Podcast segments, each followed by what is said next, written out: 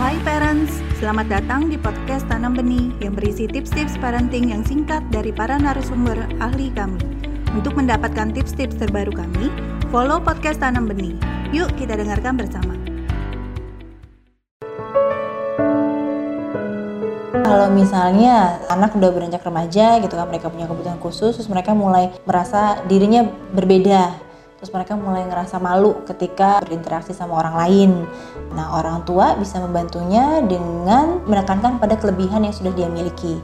Jadi dipupuknya dari awal ketika orang tua sudah menyadari gitu kan keterbatasan anaknya di mana, kebutuhannya seperti apa dan mulai dikembangkan hal yang menjadi minatnya kemudian juga membuka kesempatan kepada anaknya gitu kan untuk mengenal lingkungan jadi tidak mengukung si anak gitu kan tidak hanya membuat si anak merasa aman di lingkungannya saja gitu kan tapi juga memperkenalkan anak pada berbagai macam orang. Ya tentunya pendampingan dari orang tua itu tetap harus dilakukan.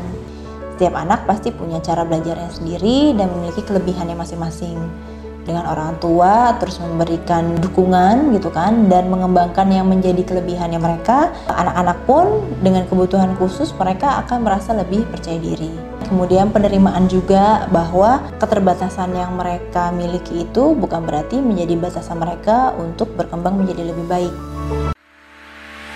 Terima kasih telah mendengarkan podcast Tanam Benih. Jangan lupa follow podcast Tanam Benih. Tidak pernah ada kata terlambat loh untuk belajar.